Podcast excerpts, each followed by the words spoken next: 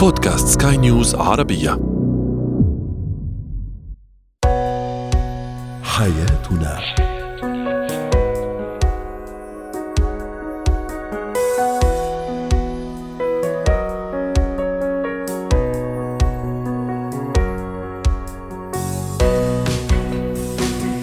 مستمعينا الكرام أهلا بكم معنا إلى حياتنا فضاؤكم اليومي الذي يعنى بشؤون الأسرة وباقي الشؤون الحياتية الأخرى والذي يمكنكم الاستماع إليه عبر منصة سكاي نيوز ارابيا dot com slash podcast وباقي منصات سكاي نيوز العربية الأخرى. شاركونا عبر رقم الواتساب 00971 561 886223 معي أنا امال شابة. اليوم نتحدث عن موضوع يصنع الجدل في هذه الأيام وفي اليومين الأخيرين. العنف بدافع الحب. الشارع المصري كما الشارع العربي أيضا تحت صدمة ذبح زميل في الجامعة لزميلته قيل يقال والتحقيقات طبعا ما زالت مستمرة أنه كان بدافع الحب وكان يرغب في الارتباط بها وهي رفضت الارتباط به ومن ثم أقدم على هذه الجريمة المروعة. سنناقش الموضوع من زوايا نفسية اجتماعية وأيضا تربوية.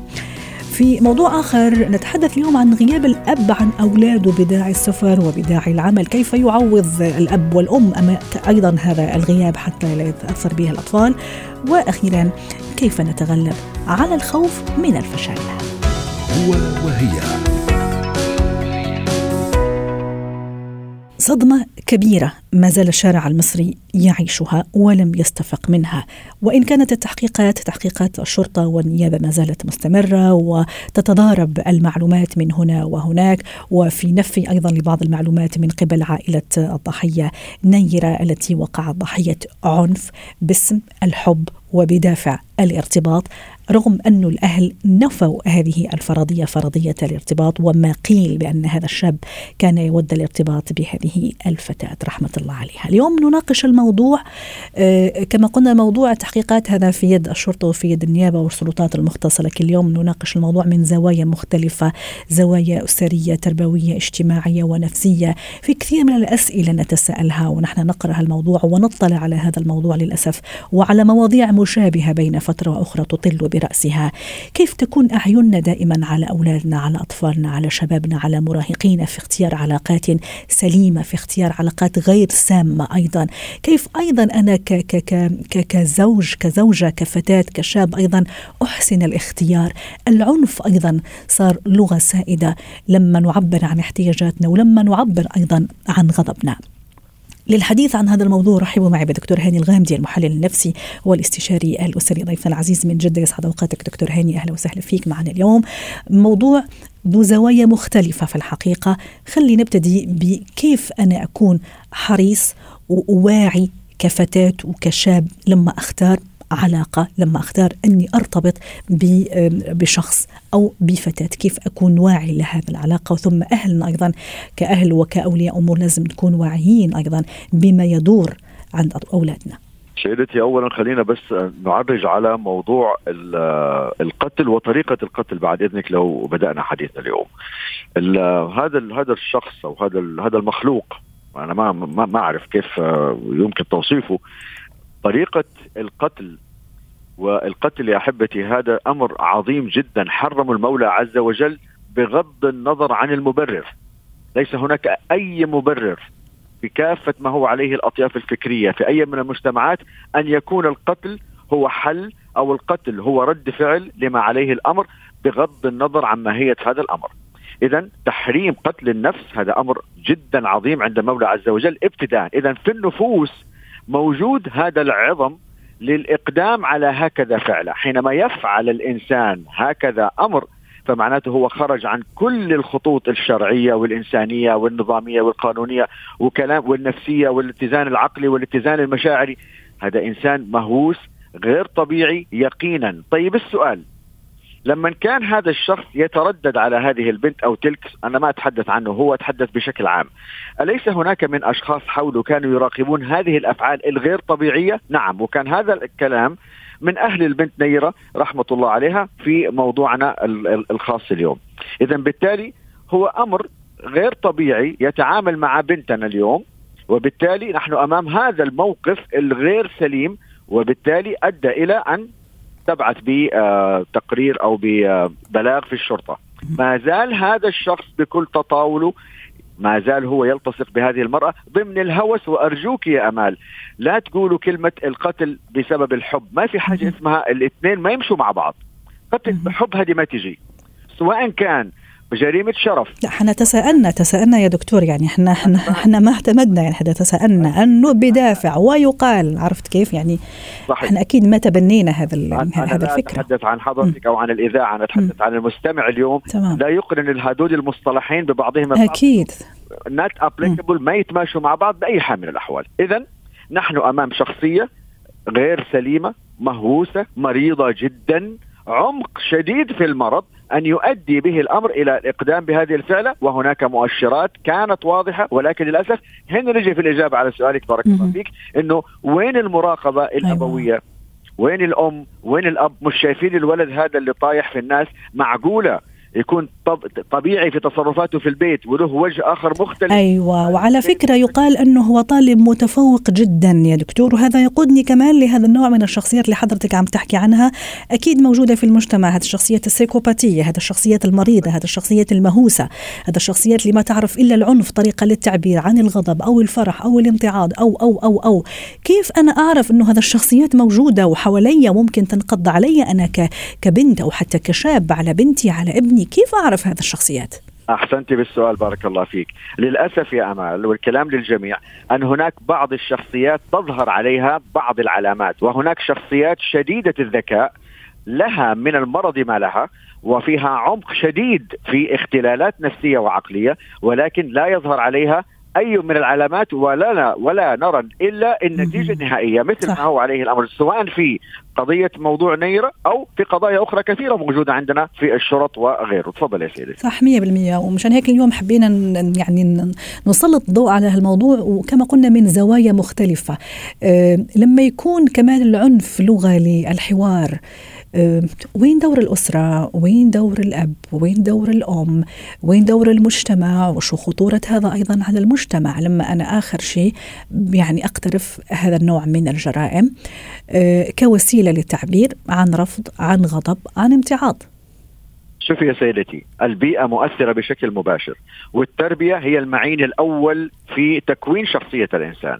إحنا أكيد يقينا عندنا اختلالات موجودة في شخصية هذا أو هؤلاء الأشخاص. المؤشرات كانت من المفترض أنها تكون واضحة ولكن الوعي عند الكثير من الآباء والأمهات على كافة المستويات الاجتماعية حول العالم. قد لا يكون بالمرحلة أو المستوى الذي قد يحلل بأن ابني أو بنتي في سلوكيات غير لائقة أو غير سليمة أو خرجت عن النظام أو القانون أو خرجت عن العقل والمنطق. حتى هذا الأمر بنلاحظه في كل الدول الغربية والعربية في كل المجتمعات. الإشكالية انه أنا ما عندي وعي وتوعية للأب والأم عشان أقول ترى انتبهوا في جرس إنذار في البيت بيقول الولد أو البنت خرج عن النص. طيب وين ال... وين الاستثمار بيكون؟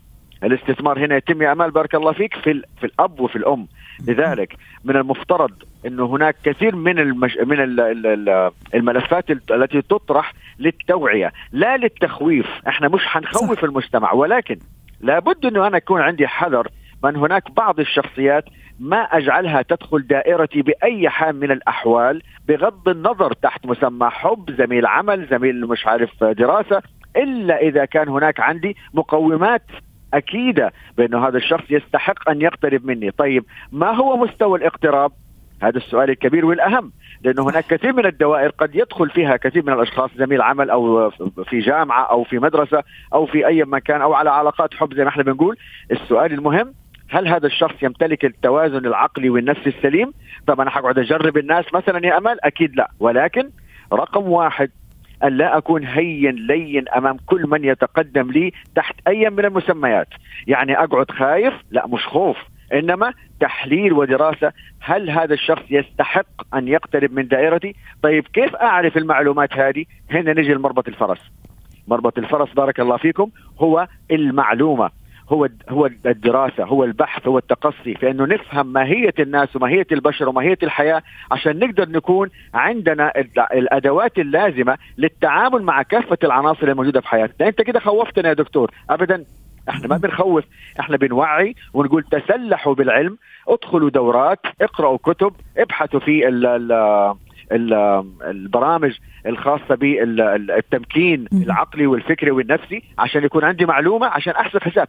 ما أكون ذلك الشخص الساذج يا أمال في أن كل من اقترب مني ممكن إنه أنا أقبله. اللي حصل اللي حصل. أنا ما أنا ما أتكلم على آه، موضوع نيرة. بس اللي بيحصل في كثير من القضايا أن هناك تهاون من بعض الأطراف في إدخال أو قبول بعض الشخصيات في دخول دوائر حياتهم وبالتالي حينما يبدأ الرفض يكون هذا قد تمكن من إنه لا أنا أبغى هذه البنت وهذا ما وصل إليه هذا المجرم اليوم بإنه بغض النظر عن رأيها رفضها رفض أهلها بالرغم من كل التحرشات اللي تمت والإزعاج الشديد اللي تم برغم تبليغ الشرطة إلى إنه برضه مصر لأنه الشخص لا يمتلك القوامه لا العقلية ولا النفسية وهو مجرم حقيقي موصف بما هو عليه التوصيف الحقيقي لمفهوم كلمة مجرم. شكرا لك دكتور هاني الغامدي المحلل النفسي والاستشاري الاجتماعي ضيفنا العزيز من جدة. زينة الحياة غياب الأب بداعي السفر والعمل الغياب لفترات طويلة المقصود آه، في بالموضوع. كيف يعوضه الأب وكيف تعوضه الأم؟ أيضا دور الأم في إحداث هذا التوازن وهذا الخلل إذا صح التعبير الذي ينتج عن غياب الأب لأشهر وفترات طويلة خاصة إذا كان في البيت. أطفال ومراهقين تحديدا. رحبوا معي بندى شاهين الاختصاصية النفسية والتربوية سعد أوقاتك أستاذة ندى. اليوم نتحدث عن الأب الحاضر الغائب. الحاضر لأنه أب هو مسؤول عن بيته عن أسرته ينفق عليهم لكن غائب جسديا هو مش موجود معهم بشكل يومي. آه، بيعمل هذه مشكلة يا أستاذة ندى آه، عند الأطفال وعند المراهقين ولا لا؟ ممكن بتعويض آه، ما بتعويض معين رح نتعرف نتعرف عليه مع حضرتك. وأيضا بمشاركة الأم الأمور رح يعني تسير على ما يرام. دور الأب من الأدوار المهمة جدا في التربية المهمة قوي لسلامة الصحة النفسية للطفل أو إن هو يمر بمراحل تربية سليمة في حياته. دور الأب مش حاجة ثانوية إن هو مثلا بس بيصرف على البيت أو إن هو بس يكلمك يقول لك إزيك عامل إيه؟ لكن دوره إن هو يكون حاضر معاك في مواقف حياتك أو مواقف الطفل ذات نفسه في الأمور الجديدة اللي بيبدأها بيبقى الطفل كل شغله شاغل بابا هيبص لي إزاي أو هيقول لي هيقول عليا إيه. واللافت للنظر الطفل وهو صغير بيبقى مهتم لراي الأب أكتر من الأم لأن الأم بتبقى معاه طول الوقت معظم الوقت الأم معاه لكن الأب عشان بطبيعة إن هو بيكون غايب حتى لو كان هو مش مسافر بطبيعة الحال بيبقى شغل أو أو مشغول أكتر من الأم فالطفل بيبقى دايما رأي الأب الصغير بيفرق معاه جدا. جميل. ما بالك لو الأب أو مش موجود ده هيأثر عليه جامد قوي رائع. وأنا راح أضيف لهذا لهذا التحليل أستاذة ندى آه، موضوع كثير مهم. بالنسبة للبنت يعني ترى في في, في الوالد أو في الأب النموذج الذكوري الراشد. آه راح أحط خطين تحت مصطلح الراشد وصورة النمطية للجنس الآخر. وبالنسبة للولد أو الصبي يشوف فيه تحديد لهويته لهوية هذا هذا الولد. كيف يؤثر غيابه أو متى يؤثر غياب الأب في نفسية الطفل. يأثر غياب الطفل يأثر نعم. غياب الأب على منذ من أول ما يكون عنده وعي من أول سن سنتين ثلاث سنين بيأثر عليه طبعا جدا. ولكن في بعض الأمور اللي تقدر تدعم إن التأثير ده ما يكونش يسيب أثر سلبي نفسي على الطفل. ممكن الأم آه، والأب يعملوا أنشطة مع الطفل يوميا. ممكن الأب يكلمهم بالتليفون FaceTime أو يعني فيديو أو حاجة. إن هو يشوفهم يبقى انجيز معاهم كل يوم في التفاصيل اليومية اللي هو بيعملها. ممكن يبقى ليه نشاط يومي يعمله معاه. يعني مثلا ممكن قبل ما ينام يحكي له قصة يكلمه فيديو يحكي له قصة كأنه موجود. آه يحكي له اما يرجع من المدرسة مثلا يتعود إن هو يكلم الأب ويحكي له إيه اللي حصل معاه في اليوم. آه إن يكون في تواصل لأمور مشتركة لما يكون الأب عارف إنه ابنه بيحب حاجات معينة يبتدي يتكلم معاه عنها أو يبتدي يوريها له. يبتدي مثلا لو جاب له حاجات مش مش يجي مثلا لو جاب له هدية أو شيء مش يجي وقت السفر وقت ما يرجع من السفر يوريها له لا يبتدي يقول له أنا جبت لك ده النهارده ولما أجي لك هجيبه لك. أنا عارف إن أنت بتحب الشيء ده وعارف إن الشيء دوت من الحاجات المهمة عندك. يبتدي يشجعه ويحفزه إن أنت لو أنجزت مهامك والحاجات اللي وراك آه هعمل آه هجيب لك حاجة الفلانية أو هعمل لك الحاجة دي. كمان مهم قوي إن هو يكون الطفل عنده حتة انه إن بابا موجود في حياتي أو بابا شخص مهم لأن زي ما انت قلتي إنه ان دور الأب آه بالنسبة بالذات للبنات إن هو دوت نافذة لل... إن هو يبتدوا يتعرفوا على على الذكور أو على الرجال. على الصورة الصورة للجنس الآخر يعني صورة نمطية للجنس نعم. الآخر. صح. عن الجنس الآخر وعشان البنت حتى في في بعض الأطفال بيخافوا قوي من أي رجالة بيخافوا قوي من أي تعامل مع أي راجل لأن هم بالنسبة لهم اللي طبعا أهاليهم بيكونوا آه سواء كانوا توفى توفى الوالد أو بيكون الأب آه مسافر أو غايب. لأن هي بالنسبة لها ده شخص أو كائن أنا مش بتعامل معاه خصوصا إذا كان الأم ما فيش في حياتها مثلا أبوها مش موجود أو أخوها فيبقى الكائن ده المفروض تتعامل معاه إزاي؟ كمان لما بيخشوا على سن المراهقة بيبتدي البنت تتعامل أنت عارفة المشاعر تتطور في السن ده. فيبتدي ممكن تروح لاتجاه غلط. ممكن تبتدي تروح لاتجاه للناس الأكبر منها مش الناس اللي في سنها. وطبيعي هيحصل فيه مشاعر بس تبتدي تروح للسن الأكبر منها بدل السن الطبيعي اللي هو يكون في سنها. فمهم قوي إن إحنا نركز على علاقة الأب جميل. آه، بأولاده. حتى لو كان مسافر نحاول نوجد حاجات مشتركة بحيث انه دوت ما يؤديش لحاجات غلط. وعلى ذكر الأم أيضا أستاذة ندى يعني ما مدى أهمية دورها في هذه الحالة في تكريس هذه الصورة صورة الأب في ذهن الولد وفي ذهن الأبناء حتى وإن الأب يكون بعيد وعاده يعني عادة لما يرجع الأب من السفر أكيد الأم تكون وضع قوانين حين حتى صارمة في غيابه يعني حتى تعوض هذا الغياب وتحاول تسيطر على الموضوع. بمجرد عودة الكثير من الأباء من السفر أكيد ممكن راح تفرض تفرط شوي الأمور يتحول البيت إلى نوع من الفوضى تخرق القوانين لأنه بابا هون ونحن في إجازة وحابين نعيش لحظات و... وأيام جميلة نعوض بها غيابه، الا يؤدي هذا أيضا إلى اهتزاز صورة الأم لدى الأطفال؟ لا أنا حابة أقول لك على حاجة إنه الدور الأم موضوع سفر الأب يكاد يكون مماثل لدور الأب نفسه. لأن آه، الأم إنها مثلا في تفاصيل الحياة اليومية لما أجي أدخل أنا الاب في كل حاجة تعالى أنا هصورك عشان أوريها لبابا عشان بابا يشوفك وأنت بتعمل الحاجة دي. آه، استنى نستأذن بابا إذا كان هيوافق إن إحنا نعمل الأمر دوت ولا لأ أو انك تروح أو تشارك في الحاجة دي. مهم إن أنا أدخل دور بابا طول الوقت طول اليوم معاه بحيث إن الطفل يبقى داخل جوه عقله إن بابا مركز معاه هيكون موجود. جميل. لما بابا بقى يرجع من السفر ويكون موجود طبعا هيحصل خرق للقوانين شوية أو أو هيحصل شوية إن الروتين مش هيكون ماشي على على الوتيرة اللي إحنا متعودين عليها وده طبيعي ومش هيحصل معاه مشكلة أو حاجة ما دام إنه الأمور ترجع بعدين إلى نصابها. شكرا لك أستاذة ندى شاهين المتخصصة والخبيره التربوية ضيفتنا العزيزة. يعطيك العافية. مهارات الحياة. كيف أتغلب على الخوف من الفشل. رحبوا معي بنور هشام مدربة مهارات حياة سعد أوقاتك أستاذة نور أهلا وسهلا فيك. أنا دائما عندي تخوف وهاجس كبير أني أخاف أني أفشل. هل هذا شعور طبيعي؟ ومتى آه، يتعدى الحدود وحدوده الطبيعية؟ وكيف أتغلب عليه؟ آه لو حنبدأ بسؤالك إنه هل هو طبيعي؟ موضوع إنه أنا أخاف من الفشل؟ طبيعي إنك أنت تشعر إنه أحيانا أنت ممكن آه ما تأدي الشيء اللي أنت حابب توصل له آه على أكمل وجه وأنت تسميه فشل. آه لو رح نبدأ أول شيء بإنه شو هو الخوف من الفشل، إحنا هون عندنا كلمتين هي الخوف وكلمه الخوف وكلمة الفشل.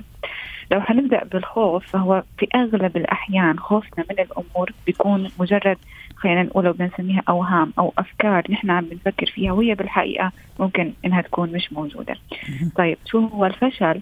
الفشل فعليا هو مش إنك ما توصل للشيء اللي أنت بدك إياه لا هو إنك تتوقف عن المحاولة والإستمرار في إنك تحصل الشيء اللي بدك إياه، تتوقف عن إيجاد بدائل، تتوقف عن إيجاد حلول لأي تحدي ممكن يواجهك في الوصول لهدفك.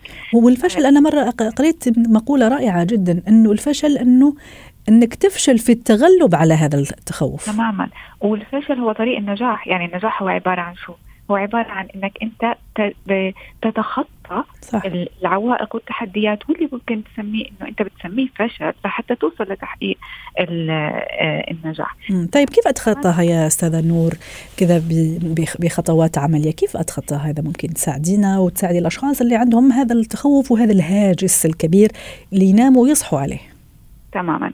أول شيء أنت إذا بدك تحقق هدف معين فلا بد إنك أنت تكون حاطط امامك خطة واضحة أهداف طويلة مدى أهداف قصيرة مدى حاطط لها تواريخ معينة مقسم الهدف تبعك لأهداف آه، قصيرة لخطوات ل actions لأفعال بتواريخ معينة.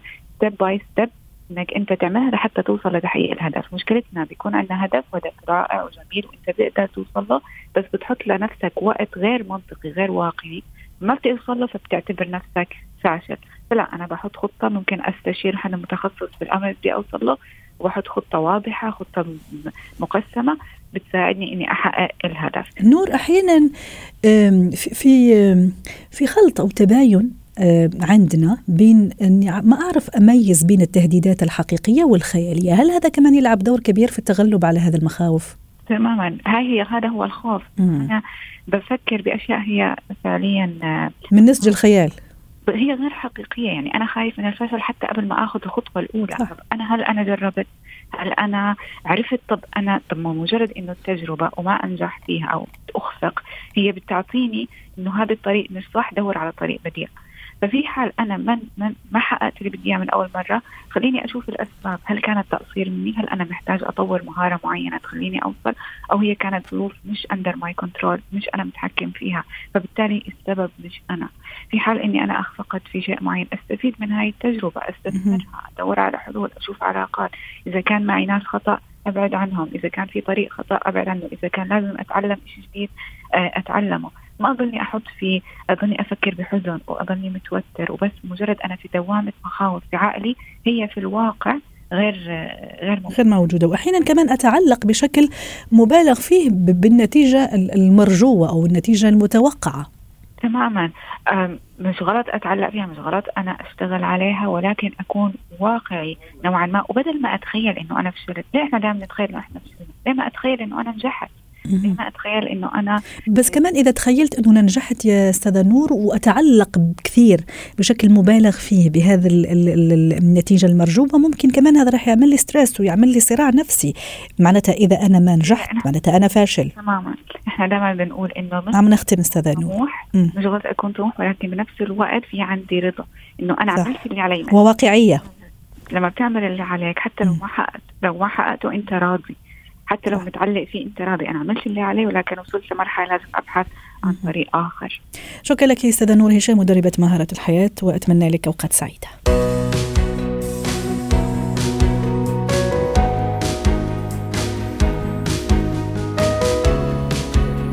ختم حلقة اليوم من حياتنا. شكرا لكم وإلى اللقاء.